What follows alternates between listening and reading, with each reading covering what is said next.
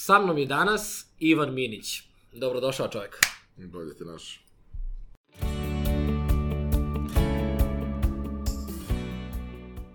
Ivane, veliko mi je zadovoljstvo što si ovde sa mnom danas i velika čast pre svega. Ja sam, ti ti ja smo se dogovorili na našem prethodnom susretu da ne pričam koliki si ti genijalac u mom životu i tako dalje. Da, bukvalno to. Ove, tako da ću to da preskočim, evo nisam rekao. Da si me pitao, rekao bih da si genija, ali pošto nisi, neću. Ove, kako si, si dobro? Dobro jutro u stvari. Uh, dobro jutro, pa šta znam.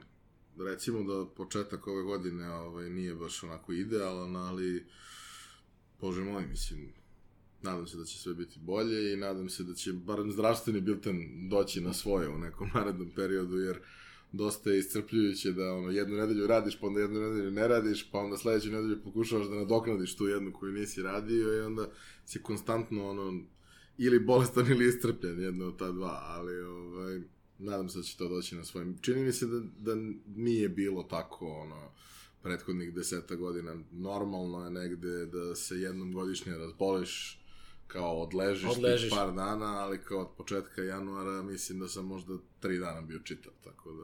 Ali veliki broj ljudi, znaš, evo i mi smo isto, ja sam 10 dana bio u krevetu, nisam mogao što da se pomerim čoveče. Ali je brzo prošao januar, je li ti brzo prošao ovaj januar?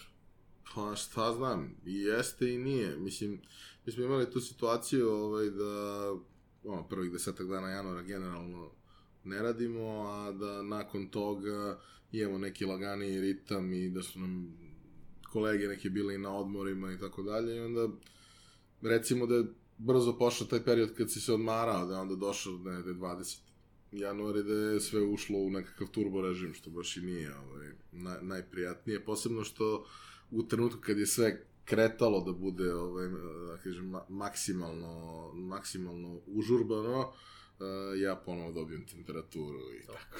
Čoveče. Ali dobro, mislim, Da, da, razumem. Ali hvala ti puno što si odvojio vreme za, za ovaj razgovor. Ovaj, ja bih samo na početku rekao da ćemo pričati danas malo o preduzetništvu, malo o tvom početku, malo o nekim projektima koje si ti radio koji su recimo burek.com i tako dalje. Volio bih da samo napravimo neki kratku retrospektivu I, ovaj, I svakako bih na početku samo rekao svima koji slušaju ovo da obavezno poslušaju i tvoj podcast Pojačalo koji je fenomenalan, teme, gosti, zaista mislim da neko ko recimo planira da otvori firmu treba da odgleda tih 50, koliko se sada već došao, 55 epizoda u ovom trenutku, sigurno će ih biti još više, ovaj, i moći će da sa lakoćom u stvari i sa više razumevanja, sa više jasnoće uđe, uđe u ceo proces. Tako, bit će mu jasnije zašto ne treba to da radi. ovaj, znaš kako, nekako kad smo razmišljali o tome šta bi trebalo da radimo i u, u prethodnom periodu i dok je bila moja firma i intervju i sve, jedna od stvari koja je nekako uvek bila bitna je to da nakon tog razgovora, predavanja, pročitanog teksta, pročitanog intervjua, je potpuno okej okay da neko kaže nije to za mene, ili možda nije sad za mene, ili nije generalno za mene. Jer i to je mnogo bolji ishod Kako ne? nego da samo nekog ono beskrajno motivišeš, on uđe, spali sve što ima od resursa, energije i svega, onda potpuno istrošen, potpuno iscrpljen i finansijski i emotivno i na svaki drugi način, kao treba da se vadi sad i treba da rešava neke svoje životne, ovaj, životne stvari. Tako da, e, ne kažem da je to primarni cilj daleko od toga, ali nije negde ni, ni želja da pokažemo ljudima kako je to savršeno jednostavno i kako sve će biti super, samo se ti odluči, jel voliš to da radiš? E, sve će onda biti super, znaš, kao univerzum će se Da, da. usmeriti da tebi bude... Neće. Ali, ono, ako uđeš u tu priču uh, pripremljen, a kad kažem pripremljen, to znači i potkovan znanjem i negde pripremljen da će to par meseci ili možda godinu, Godinu, dana da. ili godinu i po biti u nekakvom minusu i da će ti biti san da budeš na nuli i kad budeš na nuli tek onda počinje igra zapravo. Ovaj, to je nešto na što ljudi ovde vrlo često nisu spremni. Znaš, u najboljem slučaju kao, ma dobro, za tri meseca će sve da bude super. U nekim biznisima zaista hoće, u nekim biznisima će za mesec dana da bude super. Mislim, neće biti super, ali će biti održivo. Ali u mnogima neće. U mnogima će trebati šest meseci ili godinu dana i vrlo je bitno da znaš u kom si od njih i vrlo je bitno da u tom nekom periodu kad treba da proceniš šta te čeka, napraviš koliko toliko dobru procenu. Niko od nas ne može da kaže tačno i zavisi od toga kad počinješ i od sezone i od svega. Nekim biznisima do duše ne.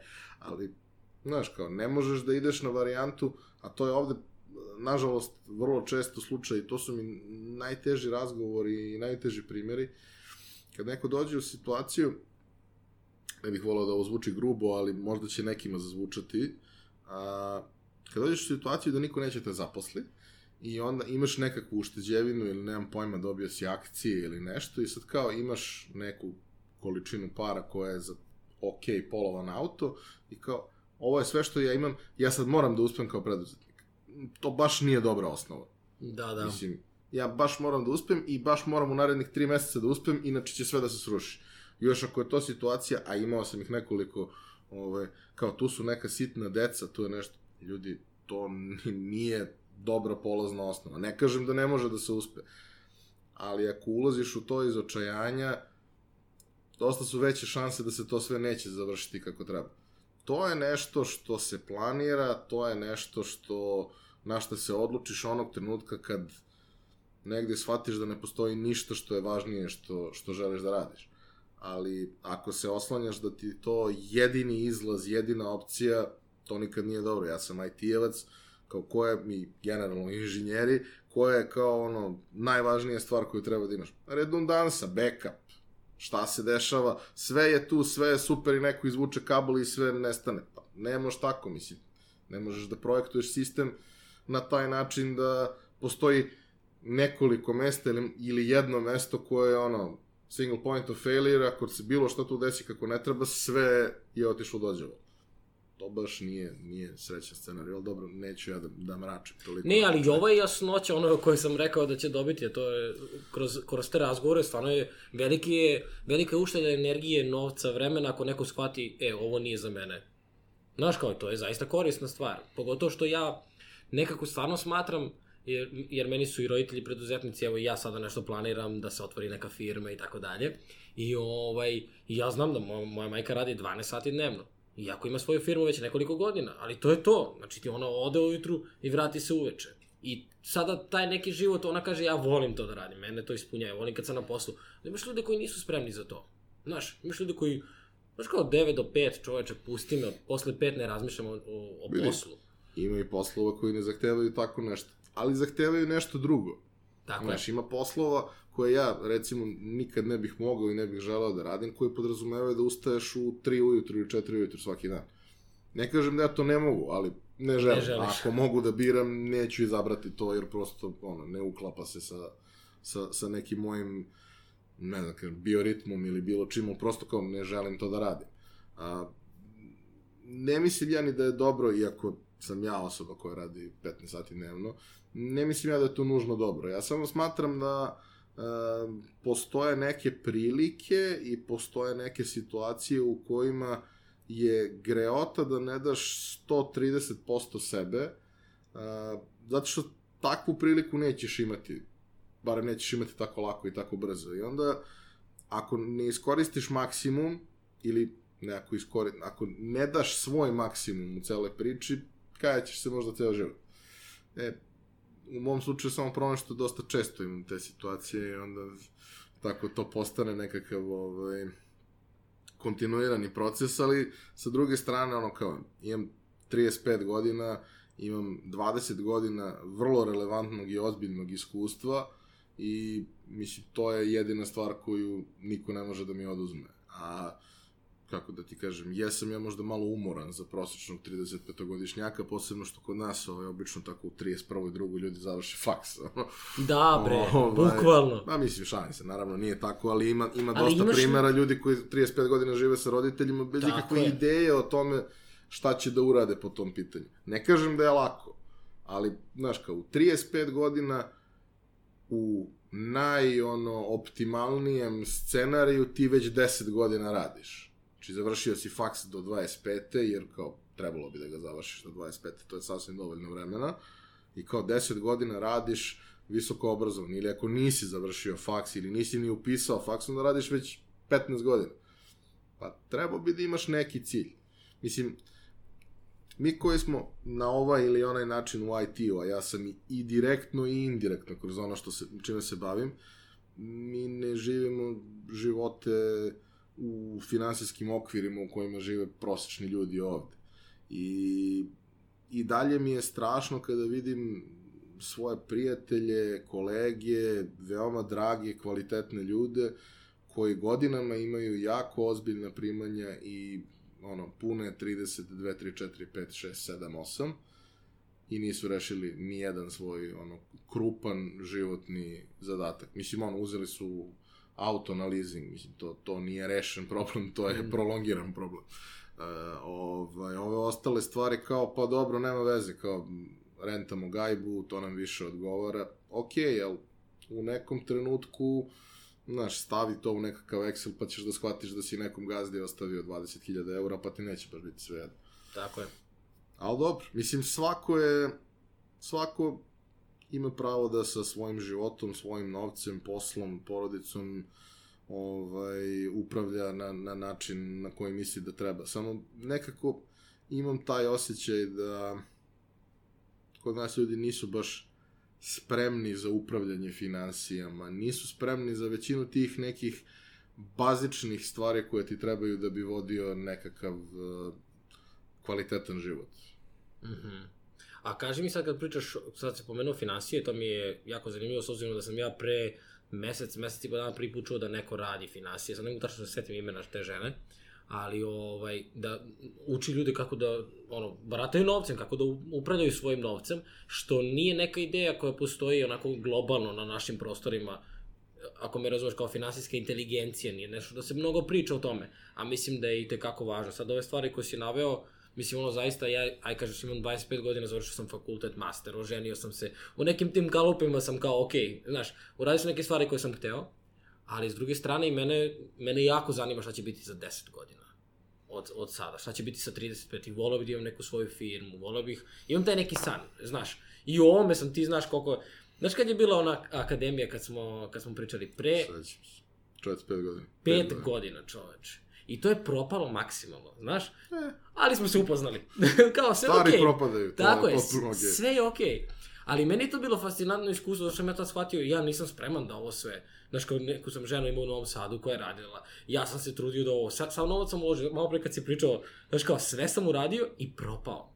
Ali je bilo fenomenalno iskustvo, u smislu, shvatio sam neke stvari u tom trenutku. Naučio si beskonačno u tom procesu. Baš to. Ali kaži mi recimo sada, kada neko razmišlja da otvori svoju firmu, da postane preduzetnik, šta misliš da su neki ajde da kažemo, ključnih 25 koraka, šalim se, šalim se, šalim se, šta, šta, šta misliš koji su neki ono osnovni koraci koji bi, ajde, okej, okay, znači imaš ideju, imaš firmu, imaš naziv, nebitno je, pre nego što uđeš tamo u proces, o čemu se treba da se razmišlja? Ajde, nek, neki, neku osnovu, sad ne, mislim... Pa treba... teško je to napraviti u tom da, nekom formatu da. što, o čemu sve treba da se razmišlja, ali mogu ti kažem na čemu ljudi najčešće failuju. Ajde, može to, to je fenomenalno. Jer, ono, proveo sam prethodnih, pa više od 10 godina, tako što u suštini jednom nedeljno odvojim, najmanje jednom nedeljno, odvojim sat vremena da ljude koji me kontaktiraju saslušam, popričamo, prvo je bilo, ne znam, preko bloga, pa preko drugih nekih kanala, I ono, najrazličitije moguće biznis ideje u najrazličitijim mogućim fazama, bilo je od ono fast foodova do IT startupa. Sedimo pričamo, sa nekima sedimo pričamo duže, sa nekima sedimo pričamo kraće, neke od tih priča su ovaj, izuzetno uspešne i meni veoma drage, neke od njih nikad nisu poletele, neke od njih nisu ni počele, jer je osoba shvatila da možda to ne treba da radi. Uh, I nekako mi se čini, uh, iako tu postoji neka preselekcija, ne, ne sedam ja baš sa svakim ko se javi, jer je fizički nemoguće, ovaj, malo mi tu prvo ovaj, popričamo kroz mail, odnosno razmenimo par mailova, uh, ne mogu da se otmem utisku da dominantno ljudi apsolutno nikakvu predstavu nemaju o tome u šta ulaze. Kad kažem u šta ulaze, uh, ne znaju u potpunosti ni svoj proizvod, ali ajde. ok. Ali nemaju nikakvu predstavu o tome na kakvo tržište izlaze, nemaju nikakvu predstavu o tome ko su njihovi kupci, najdalje što idu, mislim, ono kao, to je, to je možda pogrešan primer za ovakav uvod, ali to je ona priča, uh, napravim sajt, ima 100.000 poseta od svakog dinar da mi ostane, imam 100.000 dinara. Ko, brate, ne funkcioniše tako. Pa što? Pa ne funkcioniše tako. Isto to i kad ideš, kad voziš auto, iako on ne troši ništa, ti nemaš troškove, ali ne postoji auto koji ne troši ništa.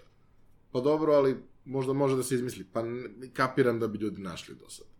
E, tako isto i ovde, znaš, situacija gde kao, imali smo recimo jedno vreme te, te neke radionice relativno često, uh, gde ljudi pitaju prevashodno pitanja iz oblasti e-commerce. I onda devojka, ne znam, koja pravi neki nakit i taj nakit stvarno simpatično izgleda i ona ga prodaje kroz Instagram i prodaje ga generalno lokalno, ide na bazare, ove ovde i ok, ono ima ona neki prihod od toga. I sad, njeno pitanje je, ajde on kao to je neki umetnički zanat, pa ne očekuješ baš da bude u Excelu sve, Ali njeno pitanje je e, kako bih ja mogla da e, besplatno šaljem ljudima ovo u Ameriku, jer ako bih mogla da šaljem moju ogrlicu ili narukvicu koja je, ne znam, 5 eura, besplatno u Ameriku, ja tamo imam ogromno tržište. Dobro, ali kako misliš da šalješ besplatno u Ameriku? Pa evo, kinezi mogu. Mm, ne mogu ni kinezi, oni samo uračunaju to u cenu i idu na varijantu ono, količine, pa im je pošta besmisleno jeftina, ali kao ne, ne funkcioniše to tako. Pa dobro, kao u celom svetu to može. Ne može. Samo Kina funkcioniše tako. Probaj iz Nemačke da pošalješ. Pa dobro, ali... Na, pa nije dobro. Mislim, to je preduslov. Pa šta ja onda da radim? Pa ne, razmišljaj o proizvodu kod koga to nije problem. Znaš, ako praviš proizvod koji je ekstremno jeftin i na koji ti cena slanja bude tri puta veća od cene proizvoda, to je problem. Ali ako praviš proizvod koji je negde ok sa cenom, da ti možeš da uključiš i cenu slanja, da to ne bude strašno, onda to, mislim, ne mora da bude prepreka. To se zove product market fit, ali o tome ljudi ovde u principu ništa ne znaju, niti ih to zanima. E, gomila je takvih primjera gde, znaš, prosto ljudi, kada praviš biznis plan prvi put, ima mnogo različitih načina kako to može da izgleda i šta sve može da sadrži i za različite potrebe se prave različiti biznis planovi. Ali najjednostavniji moguće je da staviš u Excel sve svoje troškove i da napraviš nekakvu projekciju u kom trenutku si ti na nuli, imaš fiksne, imaš variabilne troškove i onda prosto vidiš Znaš, ako, ako praviš nečega 500 mesečno i ne možeš da praviš više od toga, a da bi bio na nuli ti treba 1000, nemoj da ulaziš u to. Ili digni cenu, ili napravi neko drugo rešenje, ili prosto nemoj da ulaziš u to.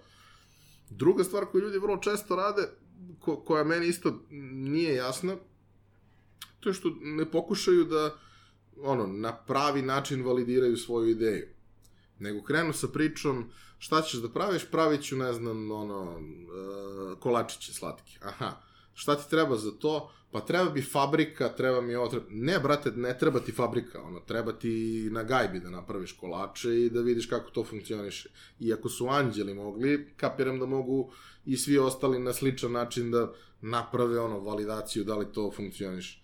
Onda, recimo, ljudi vrlo često pitaju samo svoje neposredno okruženje šta misli o tome. Neposredno okruženje nikad neće da ti kaže pravu stvar. Čak i ako ho, želi, pokušava da ti kaže pravu stvar, ne može da bude objektivno, odnosno prosto razmišljaće na način da e, negde deep down inside neće hteti da te uvredi, povredi, neće ti dati pravu informaciju, a tebi je potrebna jedna vrlo jednostavna informacija. Ne da li se to nekome sviđa, nego da li neko to hoće da kupi. Jer da li se nekome sviđa, sviđa, meni se sviđa svašta. Ja volim razne stvari. Ali za dobar deo njih možda nisam spreman da izdvojim novac. A ja sam pritom neko ko ima novac. I ako ti je to publika, to je okej. Okay. Ali ako, ako se obraćaš negde publici koja je manje platežne moći, dosta je to teže. Znaš, te neke stvari koje možda nisu potrebština i koje možda ne spadaju u bolju bolji proizvod za možda malo više novca, ali proizvod koji će duže trajati, a neophodan je, sve što je luksuz je prilično problematično. Uh, probaš da napraviš eksperiment sa tim ljudima. Mislim, mi smo imali baš u, u, u pojačalu, smo imali nekoliko gostiju koji su pričali kako to funkcioniše. Jedna epizoda koja možda nije među gledanijima, ali meni, meni vrlo draga, Vlada Šijaković iz Mile Cvik, odnosno Vozi app, koji kaže, ja sam išao po pumpama, startovao sam ljude koje ne poznajem i pitao ih u vezi aplikacije, dobio sam najvredniji feedback od njih. I kao, neko će sad kaže, a što je startovao ljude? Pa, pa vozači, mislim, vozači koje ne poznaješ, vidiš i koji auto voze, ok, ako voze, ono, keca starog 25 godina, možda nisu publika, ali ako voze nešto što ti otprilike deluje, ono, ne znam, auto od 3, 4, 5, 6 hiljada eura, koji ti, ono, da kažem, nekakav prosek srednje neke klase kod nas, startuj pita ljude šta misle da će ti nekakvu povratnu informaciju. Vidjet ćeš možda ne idealan uzorak, ali dovoljno dobar uzorak da možeš sam da uradiš nekakvo istraživanje. Nemoj da se zaustaviš na tome, a, meni je mama rekla da sam najlepši i najpametniji, ok, svaka mama će ti to reći, dobro, možda ne baš svaka, ali svaka dobra mama će ti to reći. I kao meni su prijatelji rekli da je moj proizvod super. E, super. I gde, mislim, kao, prijatelji će kupiti određenu količinu tvog keksa i šta kad više, ono, svi prijatelji dobiju diabetes, kao, ne, ne funkcioniše tako. Moraš na neki način da se izmestiš iz svog, ono, iz, prvo iz svoje zone komfora, na neki način, a onda iz svog tog neposrednog okruženja, jer koliko god to bili sjajni ljudi i tvoja podrška i kad kreneš, oni će ti biti prvi kupci i sve to super, moraš da imaš i neke drugi kupce i neke treće kupce i kad se isprazni taj krug uh, ljudi koji je neposredno tu pored, to treba da nastavi da živi. A to nije baš tako jednostavno. Slušam te, nastavi se, šalim se.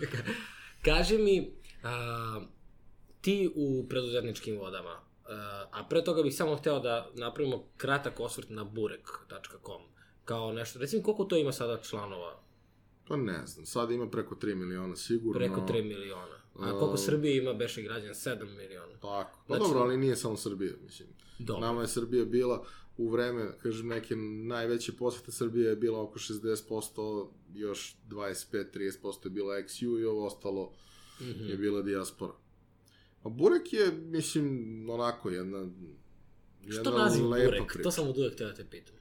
Jel voliš A, Burek? Volim Burek. Ok, cool. Ovaj, bila je to neka vrlo neobična situacija u kojoj sam ja uh, dobio mogućnost da registrujem jedan koju domen i u tom trenutku nekih ovaj, mojih interesovanja najrealnije je bilo da to bude nekakav magazin na mobilnim telefonima, jer sam ja tad bio klinac od 15-16 godina, ali sam već ozbiljno pisao na tu temu, objavljivali me neki strani magazini i tako dalje, ložio sam se dosta na to. I pošto u tom trenutku Nokia bila broj 1, by far, uh, ja sam teo da uzem Nokia koju i bila je slobodno.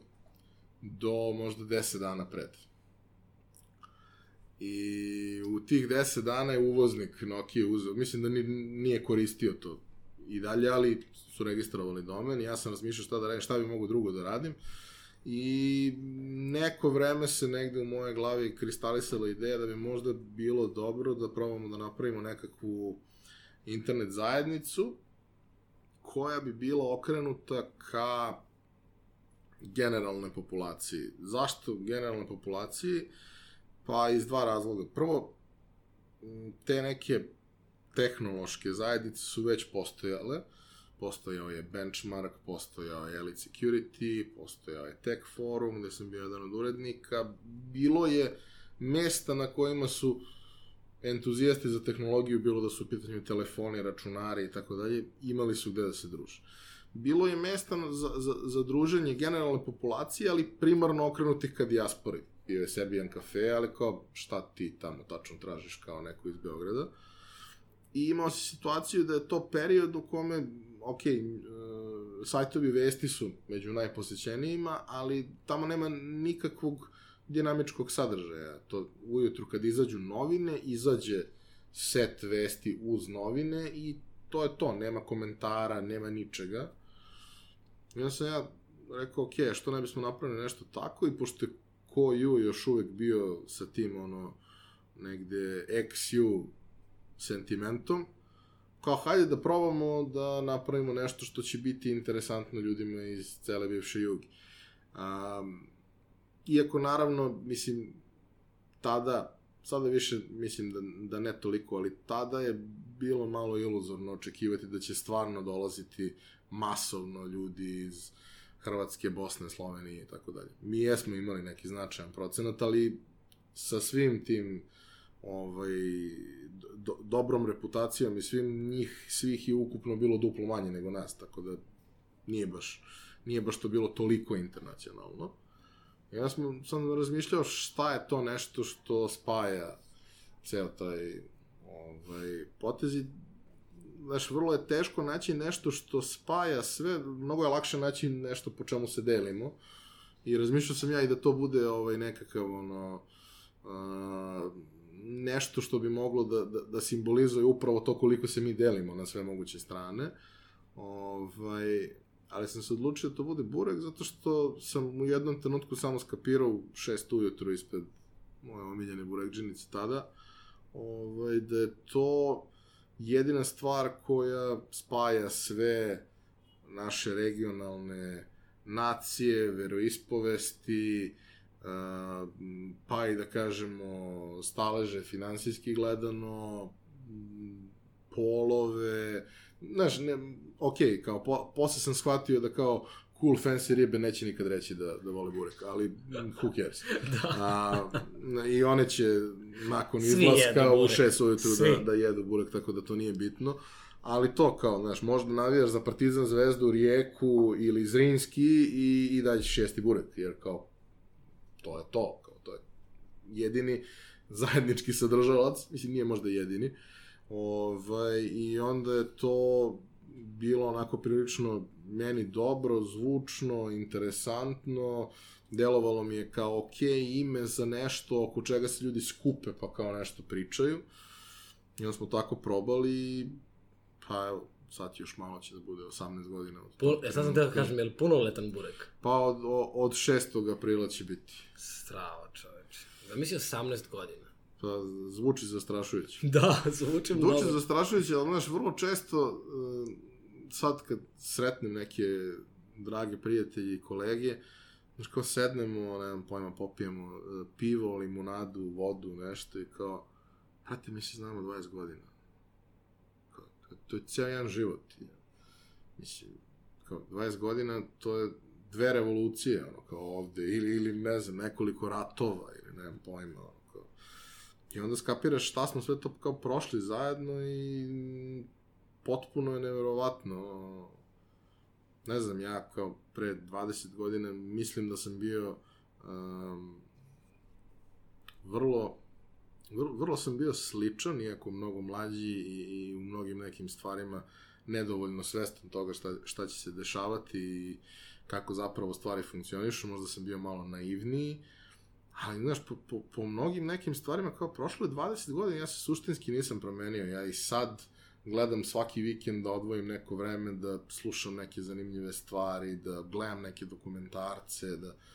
Tad sam bio isti, samo što do toga bilo malo teže doći, ali već to neko vreme je kao, znaš, dolazi kablovska, imaš milion kanala i kao, zašto, ono, kao, zašto naše dete gleda, ne znam, Discovery koji je tad bio Discovery, a ne ovo sad, ono, kao, zašto naše dete gleda Discovery po ceo dan? Pa voli, mislim, nemam pojma, nauči neku glupost, ono, u toj celoj priči.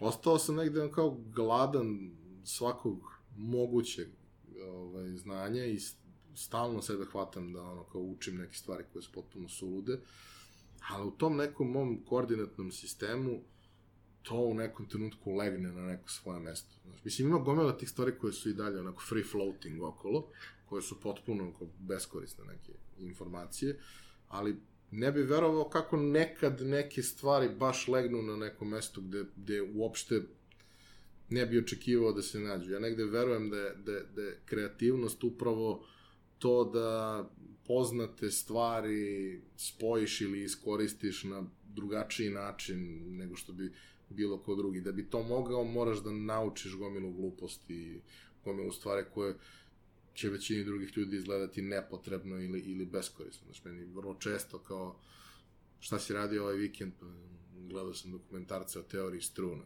Zašto? Volim. Volim i kao, to je u principu odgovor na, na svako pitanje tog tipa. Kapiram da će me proći u nekom trenutku, ali... Misliš? Pa, mislim da, ono, u nekom trenutku... Ja i sad osjećam da... E, sporije kapiram. Ne, Nisam ne, razumeo. pa da sporije šta si kapiram. ovaj, mislim da to malo ima veze i sa potrošnjom, znaš, da, Mhm. da sam možda previše umoran, istrošen, previše pod stresom. Kažem, to je nešto na čemu apsolutno treba da, da, da dosta radim u narednom periodu, ali primećujem i ja da, znaš, postoje stvari koje bih nekad ukapirao za sekund, da sad mi treba malo više vremena, ali e, i dalje pokušavam, za razliku od većine ostalih, što me drži i dalje u prednosti u odnosu na većinu ostalih. Da, to jeste. Kako odmaraš? Ili imaš neki filter? Kako, šta te relaksira prosto? Pa zavisi, mislim, jedna od stvari koja je onako obavezan ritual koju, koju nisam imao, pa sigurno deseta godina, a onda su me kolege iz firme naterali i beskreno sam im zahvalan na tome, što svake subote igramo sat i po košarku. A, to mi dosta znači, jer bez obzira na to što, ajde, trenutno ne vežbam i ne bavim se uopšte tim delom, ono, kažem, svog života, ali i u periodu dok sam kao to krenem da se dovedem u red, pa krenem u teretanu, pa ja kad krenem u teretanu, ja stvarno idem u teretanu, ne, ne krenem da bih rekao da idem, nego stvarno odem i vežbam, ni blizu to ne daje taj osjećaj rasterećenja psihičkog i tu vrstu oslobađanja od stresa kao neki e, ciljan sport kao što je košarka. Mislim, ja sam igrao košarku relativno ozbiljno u tim nekim mlađim danima, igrao odboj, odbojku dosta ozbiljno, za odbojku nemam ekipu i ne verujem da bih mogao da, da napravim nešto ozbiljnije po tom pitanju, ali za košarku stvarno imam super ekipu i e, jako puno mi to znači. Sad, to je ono, jedan dan u nedelji, što kaže naš kolega iz, iz, kancelarije, brate, kad dođe ponedeljak, ja samo razmišljam koliko još ima do subote do basketa. E, mislim, ima i toga. E, druge stvari, znaš kako, recimo jedna stvar koju, koju ne radim, koju bih volao da radim, ali nemam vremena i ne verujem da ću uskoro imati vremena, ne gledam serije. Ne gledam serije zato što jednostavno, iako tu ima fantastičnog sadržaja, ima fantastičnog storytellinga, meni je storytelling prilično bitan, um, zahteva previše vremena. I ono, postojao je period kada sam ja gledao serije pre nego što su izmislili binđovanje, mi smo znali da se skupimo prijatelji, da se skupimo ovaj, tu zapravo nedaleko u jednom stanu, napravimo beskonačnu količinu kokica i tako tih stvari, kao sednemo i gledamo četiri sezone Dr. House-a za redom, kao, znaš. Ali, to je moglo u periodu kad je bilo mnogo manje posla i obaveza. Ono što sada gledam je, ok, ne gledam serije, ali se trudim da gledam filmove redovno, sve što vredi, s tim što povremeno tu uleti nešto što ne vredi. Ovaj, bilo u bioskopu, jer kao stvarno volim taj, taj Da, experience. ja isto. A, bilo kući. Ovaj, o, o, od kako imam devojku, e, potrudio sam se da izdvojim neko vreme za to. Ne, znaš, e, recimo, volao bih da više idem u pozorište. Nedavno smo išli na, na predstavu Voz, za koju pokušavam da nađem karte dve godine i ne uspevam i slučajno sam uspeo da nađem karte sad tako što sam pisao 10 dana pre nego što izlazi repertoar, pisao sam pozorište i rekao, molim vas, ostavite U mi dve pozorištu? karte. Zvezdara A, teatra. I ovaj, oni su mi rekli, ali mi ne možemo da vam ostavimo dve karte. Kao pa, ali šta ja da radim? Mi ćemo da vam kažemo kad mi objavljujemo program. I e, javit ćemo vam ranije i onda se vi isplanirajte i kao to. I oni mi jave i ja tipa nisam mogu u tom trenutku, ali 20 minuta kasnije dolazim i ono kao, ima 16 mesta. I kao, dobro, dve karte, pa kao, ali imaš samo prvi red i negde, ne znam, u ćošku nešto. Dobro, prvi red, prvi red, ne znam, sedišta 3 i 4, i sedamo mi i predstava počinje tako što Sergej sedi ispred mene, pritom mi se znamo nešto, iz potpuno neke sulude priče, sedi ispred mene i svira gitaru. I ja kao, dobro, okej. Okay. Bilo je fantastično. A recimo, to je nešto na što bih volao da trošim više vremena, ali iskreno ovaj, imam, imam prijatelje koji, koji idu relativno često i mogu da kažem da nisam dobio mnogo preporuka za kvalitetne stvari koje, koje treba gledati. Ne kažem da ih nema, nego prosto da u većini slučajeva njihov feedback na to bude pa okej okay je. Za pa okej okay je neću da se cimam, jer mislim ima mnogo kvalitetnih stvari koje može da se vidi. Tako da, ono, ako neko ima neku dobru preporuku za, za predstavu... Pišite u komentarima. Ovaj, pišite da, da, u komentarima, vrlo rado ću da ispratim. Uh, takođe, koncerti, takođe... Ono, si bio nešto... sad možda na Trkulji? Nis, nisam. Jako je bilo emotivno i... Mm, ja sam prvi put išao. Ne, ne, isto. Ja prvi put u životu, brat me pozvao i stvarno je, meni je bilo, ne, ja, ja hoću da ga dovedem u emisiju ovde, zato što mi je taj spoj, znaš kad sviraš onu frulu i samo odjednom kreće bubanje, električna gitara, iz, izbacite, znači, ja sam, ježim se, samo se ježim. Ne, ja nisam razumeo ni neke pesme koje peva, trudio sam se da čujem tekst, ali vidim ljudi pored nas, skaču, pevaju, svi, znaš ti, koja je to energija? Zaista nešto... Vidi, ako ćemo o energiji, ja sam imao prilike, do duše sad i već tome ima 7-8 godina, ali dve godine za redom sam išao na koncert Miroslava Ilića i mogu da Jel kažem da, da očekio sam da kažeš Iron može... Maiden, ali kao Miroslav Ilić. Ne, pazi, znaš kako, uh, jedna od stvari koja je ono kao na bucket listi je da se ode na Iron Maiden, ovaj, ali e, imao sam želju da odem da čujem Miroslava Ilića. Ja imam isto, kao, da. Ono, I pritom znam, neki drugari su išli na, na koncert i kažu da je experience fantastičan i apsolutno jeste, znači on je čovek ono vanvremenski car i to je to. I išli smo jedne godine bio u areni, to smo išli, bilo, bilo je super, druge godine je bilo u Sava, Sava centru, centru i to da. je bilo pet puta bolje jer je kao mnogo intimnije, intimnije. mnogo, mnogo drugačije. Mislim, ono, ja generalno nisam neki fan narodnjaka, ali većinu njegovih pesama znam, kao što većinu Tominih pesama znam, kao što većinu tako nekih izvođača znam, tako da to mi je bilo super. Um, išao sam ovaj, od tih nekih egzotičnih ovaj, išao sam na, na Harisa Džinovića, to je isto bilo interesantno dva puta. A u poslednje vreme nisam nešto mnogo išao, ali recimo išli smo ovaj, na, na koncert uh, Đorđe Balaševića sad e, u Kragujevac. a, u Kragujevac mi smo bili. Nismo uspeli da nađemo karte za Novi Sad. Uh, na kraju se ispostavilo da sam ja zaboravio da imam drugaricu koja može da, da reši te karte, ali bože moj. Išli smo u Kragujevac i to bi bilo super da ono kao ja nisam imao temperaturu i sve, ali kao računaš, mislim, bez da zvučim okrutno, ali kao nisam ga čuo nikad uživo, volim ga jako, Um, ugradili su mu četiri stenta pre dva meseca i nema baš nešto običaj često da zakazuje koncerte, pa ne bih volao da propustim to. Znaš, tako sam neke stvari u životu propustio koje nije trebalo i onda sam rekao sebi, ok, uh, dobro, temperatura će da se reši nekim da, da. Coldrexom ili Cafetin Coldom, a za ovo ostalo prosto ne želiš to da propustiš. I bilo je fantastično i mislim da ok, on je ono master storyteller, ali najveća vrednost je što on ima toliko fantastičnih ljudi oko sebe, van serijskih muzičara, koji nisu došli da odrade koncert. Nego oni ljudi žive to. Znači, Tako oni ljudi... Dišu tu muziku. Apsolutno svi kao na najboljoj mogućoj jazz svirci.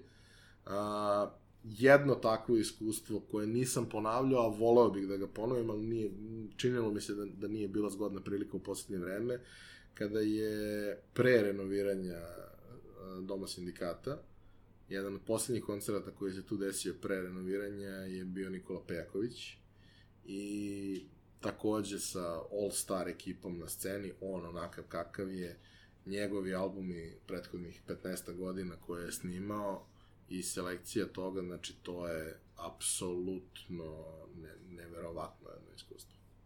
Fantazija. Hvala što si podelio ove sad s nama stvari. Slažem da. se za Đoleta, mi smo išli na koncert, isto tako bilo, imali smo četiri karte, a nas dvoje, Eme i ja, i imamo pola sata da stignemo iz Obrenovca na koncert. Međutim, on uvek krene pola sata kasnije, tako da smo sve ono se klopili i stvarno je baš onako, mislim, ta njegova priča dok te vodi kroz koncert, stvarno ta muzika, mislim, njegove pesme znam sve na pamet, tako da je, mislim, fanta, evo sad sam se naježio, a nije zato što je ovde malo hladnije, ali ovaj, radio si u Beogradzinci, rekao si, tako da si očekivao ovako nešto, zaista je fantazija. Ka, uh, fantazija. Kaži mi, uh, da se vratimo sad malo na tvoju karijeru. Dobro. Uh, ja moram prvo nešto da kažem. Pročitao sam sada uh, tvoj tekst o Jaffa keksu. Ne, Munchmallow. Manchmallow keksu. Stvari, Manchmallow je keks, je li tako? Ili slatkiš? Sla, sla, Slatkiš. mislim, kolač. I baš mi je bilo onako, dok sam čitao, razmišljao sam čoveče, sad nemoj da se ljutiš što ću ovo da kažem, ali prosto si jedna velika beba. Znaš, kad, kad si ispričao to, stvarno sam kao iz nekog ugla, nekog malog dečka si to uradio na jedan fantastičan način. I tad sam shvatio čoveče koju ti snagu imaš da kroz pisanu reč nisi pričao s mojom logikom kada si pisao taj tekst, nego sa, sa detetom u meni. I fascinantno mi to bilo i onda sam razmišljao, ok, moram da pomenem to, moram ti se zahvalim za to. I kaži mi sve, gde si sve pisao tekstove? Moja firma je bila aktivna, šta je još bilo tih projekata? Zato što stvarno vladaš tim ozbiljno. U nekom trenutku sam ja uzeo da napravim kao selekciju nekih, teo sam da dignem neki kao svoj lični sajt iz razloga što sam skapirao da e, pišem ja koje kuda, ali u suštini nemam neko centralno mesto na kome bih sad izbacivao neku kolumnu ili nešto. Imam svoj stari blog koji nije aktivan više, ovaj, i nekako mi nije to mesto za to, jer tamo sam pisao nekakve drugačije tekstove, koji su sjajni i treba ih pročitati i neki od njih sam revampovao na, na, na LinkedInu prethodnih godina, ali je to potpuno neki drugi senzibilitet. Uh, pišem na raznim mestima, pisao sam za pišem za netokraciju s vremena na vreme, pišem za Before After, pisao sam za Sport klub, pisao sam za Sportske net, uh, pisao sam za moja firma, For the Win, pisao sam za gomilu nekih, pisao sam za Biz Life, pisao sam za, za svašta. Ovaj, ali fora što uh, poslednje vreme sam napisao um, dva slična teksta sa malo drugačijim jezikom, ali, ali, ali slična teksta, to neko vraćanje u detinstvo i, i taj deo priče. Prvi tekst je bio za uh, blog konferencije konverzije, gde sam kroz taj tekst najavio da svoje predavanje tamo i u suštini poenta tog teksta i poenta predavanja je da e, storytelling je jako važan u svakom domenu marketinga i svakom domenu života generalno, ali ono što je moj zadatak negde je da pokušam da objasnim ljudima da storytelling nije rezervisan za ekstremno talentovane ljude, već je storytelling nešto čime može da se bavi svako ko želi i uloži dovoljno truda. Onda sam napisao svoje iskustvo koje se u suštini svodi na to da je meni majka pisala pismeno i srpsko. Mislim, jer kao ti ne umeš da pišeš. Zašto ne umem da pišem? Zato što ne čitaš lektiru. Uh, ja čitam lektiru, ali mislim da je glupa. Znaš, čitam neke druge stvari i ne mislim da su glupe. Aha, pa dobro, ali znaš, moraš da... Ne, ne moram. Ne moram da pišem onako kako je neko rekao da mora da se piše. Da, imao sam svađu sa ono, pola profesora srpskog, druga polovina je mislila da sam najtalentovaniji pisac kog su imali osvojio sam gomilu nekih nagrada za pisanje kasnije, a u suštini je samo stvar bila u tome da sam u jednom trenutku kao ono, oslobodio se tih nekih stega i probao da pišem na svoj način. Danas to pišem na svoj način je pet različitih načina. I uh, ne znam, taj tekst za Manchmello je čudan, meni je se jako dopalo kako je on ispao na kraju, njima se jako dopalo kako je ispao, ali ja u principu ne radim te varijante kao, znaš, ono, nisam neki influencer, pa sad kao, znaš, mi ja slikam se sa Manchmello, ja sam oko posta čaj za diabetes, ne, ne treba se slikam sa Manchmello, ali nije, nije poenta u tome. Uh, poenta je u tome da uh, dosta često sam ja prihvatao da radim te stvari kada me, kada me pitaju, ali su obično bile tehnološke stvari. Ako treba se uradi recenzija nekog proizvoda, gde ja kažem, ok, ja ću da uradim recenziju, vi ćete me platiti. Da li ćemo da je objavimo, to ćemo da vidimo, da li ste vi zadovoljni, ali vi ćete je platiti svakako ako sam se ja bavio time. Ovaj, ja neću da pišem hvalospeve, jer, mislim, tih par stotina eura koje ćete mi vi platiti mi ne znači ništa. Ovaj, probat ću da budem objektivan, i ako objektivno stvari idu vama u prilog, stajeće tako i u tekstu i to je to. I imao sam neke dosta lepe saradnje po tom pitanju i ne mogu da kažem da, da, da je tu bilo neki problem. Međutim, prvi put se desilo da ovaj, me neko kontaktira sa idejom da uradim a, plaćen, odnosno kao da, da me plati da uradim recenziju nekakvo, nekakve marketinške kampanje. Ja sam ih mnogo napisao, neplaćeno, jer kao nešto mi najčešće iznervira, ovaj, pa napišem. Međutim, ovde je bilo kao, samo mi je najavljeno, krenuće i bit će kratki video, krenuće kampanja oko toga, e, moj dragi kolega i prijatelj e, Miloš Kokić iz Žiške mi je, me je pitao, jel bi ti to uradio? Bih, on my own terms, ali bih. Mm, dobro, neću ništa da ti pričam, ali mislim da će ti se svideti. Okej. Okay. I onda sam video kako to zapravo izgleda. Posle sam uslove, ja pristali na uslove. Ovaj, video sam kako to izgleda i e, to je isto bio period temperature i tako tih nekih halucinacija i tih lepih stvari. I onda sam a, smislio kako bih ja to otprilike uradio, kako bih ja to sad analizirao, secirao i sve. I uh, odrema popodne, jedno pola sata dok se ta temperatura ne reši. Probudio se obliven znojem, seo da pišem, sat vremena kasnije završio tekst onakav kakav je, poslao ga uh, Skokiću da ga pročita i otišao se istušira. I kad sam se vratio, ovaj, kao poruka je bila jebote šta je ovo? Pa rekao, tekst. Mislim, nije baš, možda je malo promašena tema, ali možda i nije. Ne, ne, ne, brate, ovo je, to je to. ovo je fantastično kao poslaćemo njima, imaš naslov, ono koji imam, evo ovako, mm kao poslaćemo njima, šta si mislio za ilustracije, pa rekao, mislio sam neke moje stare fotke i to. Ajde, pošalje mi ono kao sutra ujutru, to je bilo nešto uveče, sutra ujutru stiže iz Jafe, otprilike ono, a, malo si rasplakao ove žene po, po kancelariji, mi, ajde, mi muškarci kao nismo plakali, ali kao svaka ti čast. A, to je samo izašlo iz mene. Obično ne pišem tako. To je trenutak inspiracije. A, ono kako ja obično pišem a, je prilično onako inženjerski. Znači ja podelim stvari na celine, pa onda na podceline, pa svaku opišem, pa kad završim strukturalno da to sve ima što treba i popunim to sadržajem, ja onda kao to prepeglam jednom i da stilski to bude ujednačeno i to je obično način na koji ja pišem tekstove, ali nekad nekad je priča previše dobra i nekad to ne može da se piše tako.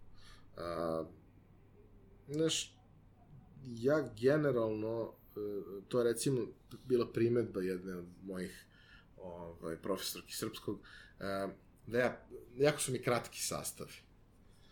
Nisu oni kratki, ja sam samo rekao sve što treba i nisam ga opterećivo nepotrebnim stvarima. I najčešće pišem tako. Najčešće pišem, kad, mi, kad su mi rekli svoje vremeno na, na, na faksu, kad sam polagao engleski, da moram da napišem esej od 3000 reči, ja sam bio fadona, ja sam napisao 40 tekstova ove godine, nemaju ukupno 3000 reči. Mislim, preterujem, ali, ali nije mnogo daleko od toga. I uh, long form je nešto što ili mi dođe, pa ga napišem, ili ima previše materijala, pa ima zašto da se piše, ali najčešće volim upravo te kratke forme koje ne opterećuje. Ne radim to zato što su mi rekli, a ja sam to usvojio kao da, da ljudi ne vole duge sadržaje, jer jesu mi to rekli, ali to nije tačno. Ovaj, nego prosto volim to, to je, Laza Džamić je u jednom svom predavanju na, na FMK, koje je dostupno na YouTube-u, zove se Geometrija eseja, mislim da je citirao Selenića, uh mhm. -huh. ima, ima baš u, negde ima pomenuto, I, mislim da je citirao Selanića možda i nije, nije, nije ni važno, on ima taj jedan e, mnogo lep izraz tu e, koji bih voleo da, da ljudi probaju da, da, da usvoje i istraže i razmisle o njemu, a to je jezik bez slanine. Ovaj, jer kod nas ljudi vrlo često kad e, pokušavaju da pišu nešto, e, okite to nekim nizom atributa koji su potpuno suvišni. I misle da, da je tekst bolji što više ima atributa. E, možda u ruskim klasicima, ja sam bio alergičan na ruske klasike, ovaj, a, ali u suštini, ako pišeš nešto što je, da kažem, komercijalna stvar, ako pišeš nekakav sadržaj za, za sajt firme ili šta god, najvažnije je informativnost toga. Najvažnije je da čovjek dobije odgovor na pitanje po koje je došao. Ako je taj tekst van serijski fantastičan, on će ga pročitati čak i ako nije tu odgovor na njegovo pitanje. Ali bilo bi dobro da bude odgovor tu. A, to što kažu kao, znaš, duge sadržaje niko ne čita, ja sam u par navrata, to kad, kad su mi sugerisale iskusnije i starije kolege, kao, ali znaš, ali duge sadržaje niko ne čita. Nije, vaše duge sadržaje niko ne čita.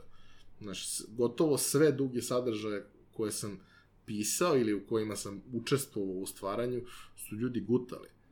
Zato što su priče neverovatne.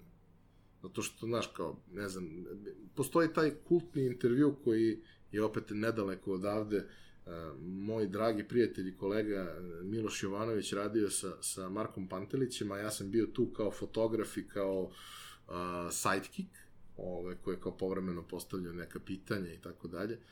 To je razgovor od 4,5 sata. Sa svim izbačenim detaljima, jer je bilo mnogo stvari koje nisu za javnost. To je intervju na 18 strana. Taj intervju je bio ekstremno čitan, preveden je na četiri jezika, taj intervju je nešto po čemu možeš da snimiš film. Mislim, to veče je jedno od najfantastičnijih večeri u mom životu, ne zato što sam ja nekakav ogroman fan Marka Pantelića, mada jesam navijač zvezde i volim negde njega, ali to je veče nakon ono razgovora od 4,5 sata, mi se grlimo kao rod najrođeniji, plačemo otprilike jedan drugome, on plače od sreće što je dobio svoj dres iz kluba u kom je nastupao, a koji nema zato što je mislim, neorganizovani Srbin, kako to obično biva, i dobija od novinara dres i on gleda ono i onako plače od sreće. Čoveče. Znaš, kao, tu su neke stvari koje, koje nisu završile u tekstu, koje ja i dan danas prepričavam kao možda jednu od najinteresantnijih ispovesti koje sam dobio, jer jedan moment, mislim da, mislim da toga gotovo uopšte nema u tekstu, ali jedan moment je kad sam ja beskreno zgotivio Pantelo, ovaj, osim činjenice da je došao u Zvezdu kad je to bilo Zvezdi najpotrebnije, ostao tu i tako dalje, pre 5-6 godina, 5 ja mislim, uh, sam imao prilike da opet kao uh, najbolja priča dobijem nagradu od Eurosporta i prisustujem polufinalu Roland Garros.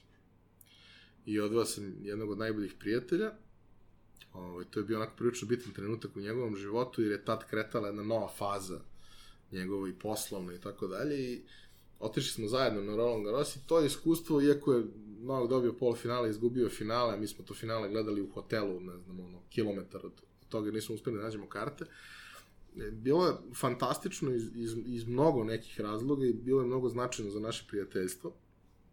Ali jedna od stvari koje pamtim je e, na letu nazad e, mi sedimo ovaj, jedan pored drugog u ne znam, nekom 17. redu, a u, sa druge strane možda jedan, dva reda ispred nas su Marko Pantelić i njegova supruga.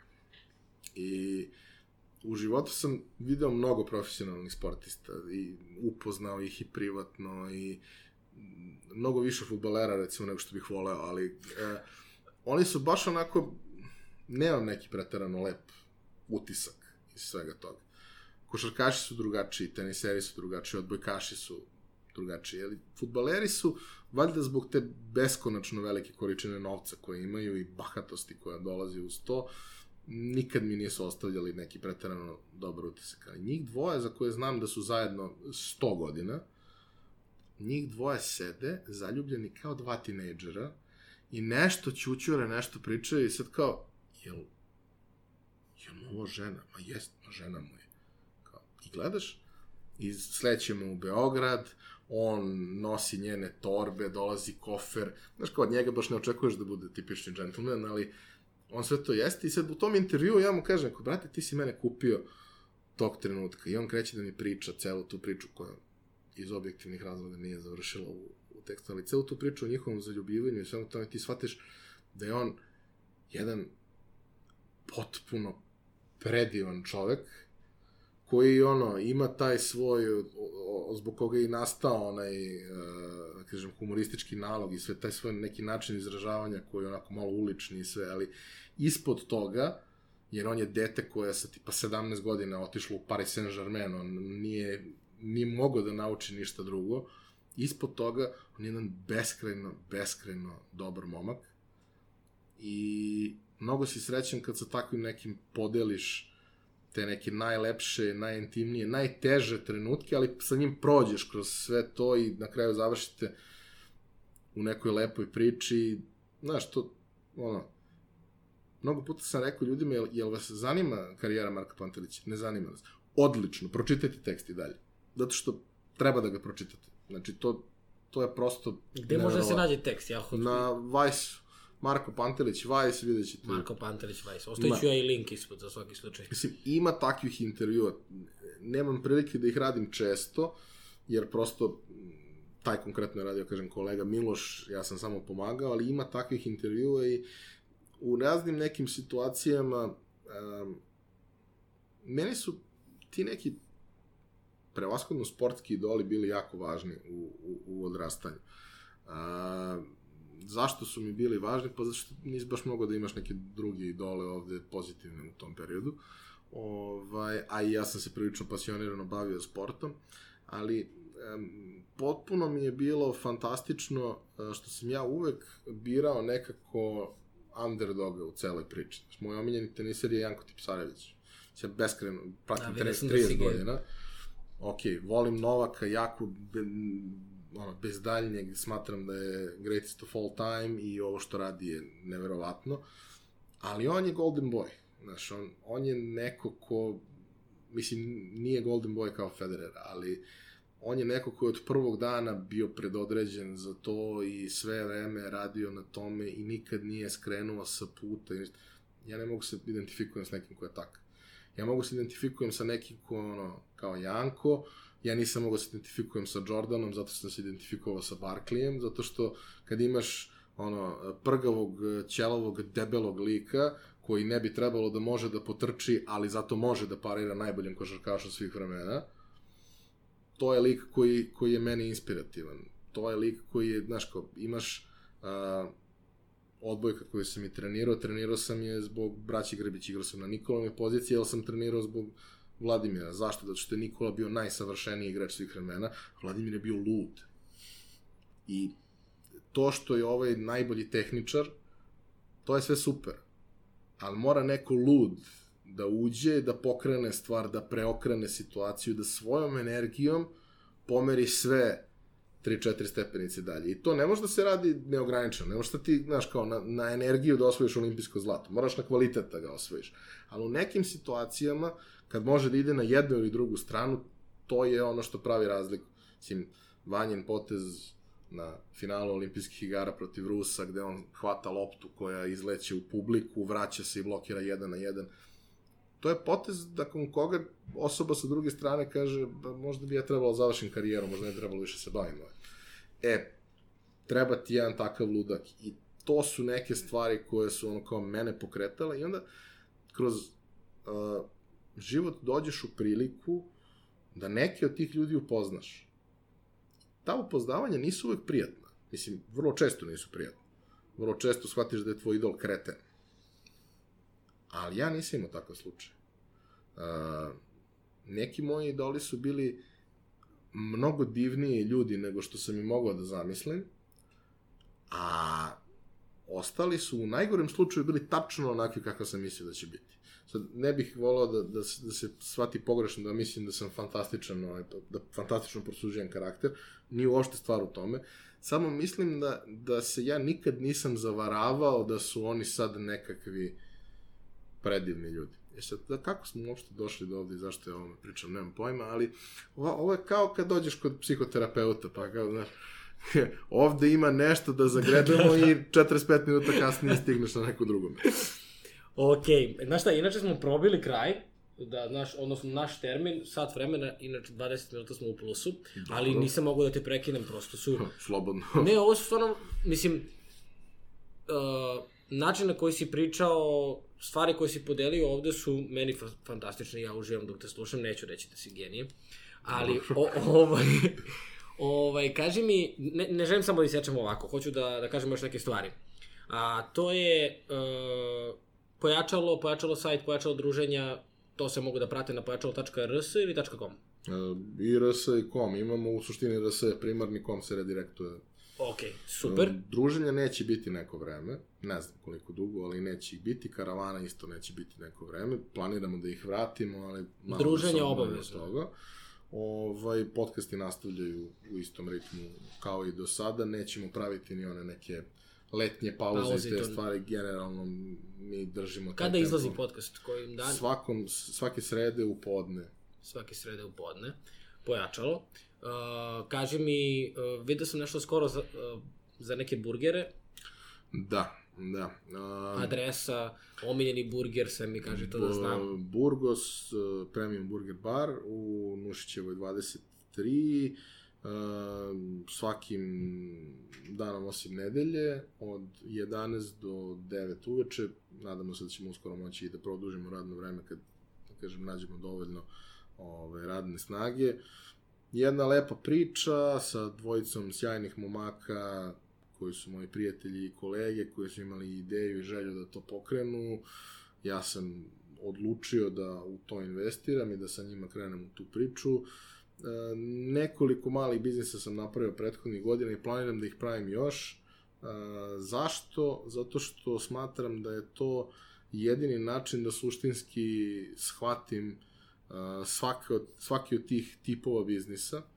Jer mnogo je lako kad ti dođeš kao konsultant i pričaš nekome šta treba da radi, to većina ljudi tako rade, ja se trudim da to nikad ne radim tako, ja prvo dođem da mi ljudi ispričaju šta oni rade, kako oni rade, gde su njihovi problemi, dobro saslušam i jedno prvih pet viđanja ja skoro ništa ne kažem. Jer ja ne znam taj biznis, volao bih da ga upoznam. I onda počnem da pričam neke stvari onda obično kad imam tako nekog klijenta to dosta dugo potraje. I shvatio sam da kroz a, otvaranje moje pijace koja je sada ono, 6-7 zaposlenih, lepo funkcioniše i tako dalje. Kroz to sam naučio jako puno toga o offline biznisima. Kroz ovo takođe učim razne neke stvari i tu recimo uh, dosta učim uh, šta, šta su uh, te neke stvari koje možda ljudi koji, koji ulaze u to nemaju u prstima, možda bi trebalo da imaju. Baš u oba slučaja su u pitanju ljudi kojima je to prvi takav biznis, ne možda prvi biznis u životu, ali prvi takav biznis gde zapošljavaš i nekakve radnike, pa treba da vodiš računa i o odnosima u firmi i tako dalje. E, I imaš sa druge strane klijente gde jako moraš da vodiš računa o komunikaciji, a ljudi ovde nisu baš najvičniji u Vični, komunikaciji. Da. I, znaš, mislim da, da mnogo toga potiče iz, iz uh, okruženja koje nas uči da ne smemo nikad da napravimo grešku, da ne smemo nikad da kažemo šta mislimo i kako se osjećamo. Rekao si malo pre kao da, da, da ti je to što sam napisao za, za Manchmello bilo onako jako lično i to sve. Jeste, ja se ne plašim da budem ličan. Šta je najgore što može da se desi? Da mi neko dođe i kaže, haha, tebi je majka pisala pismeni iz srpskog.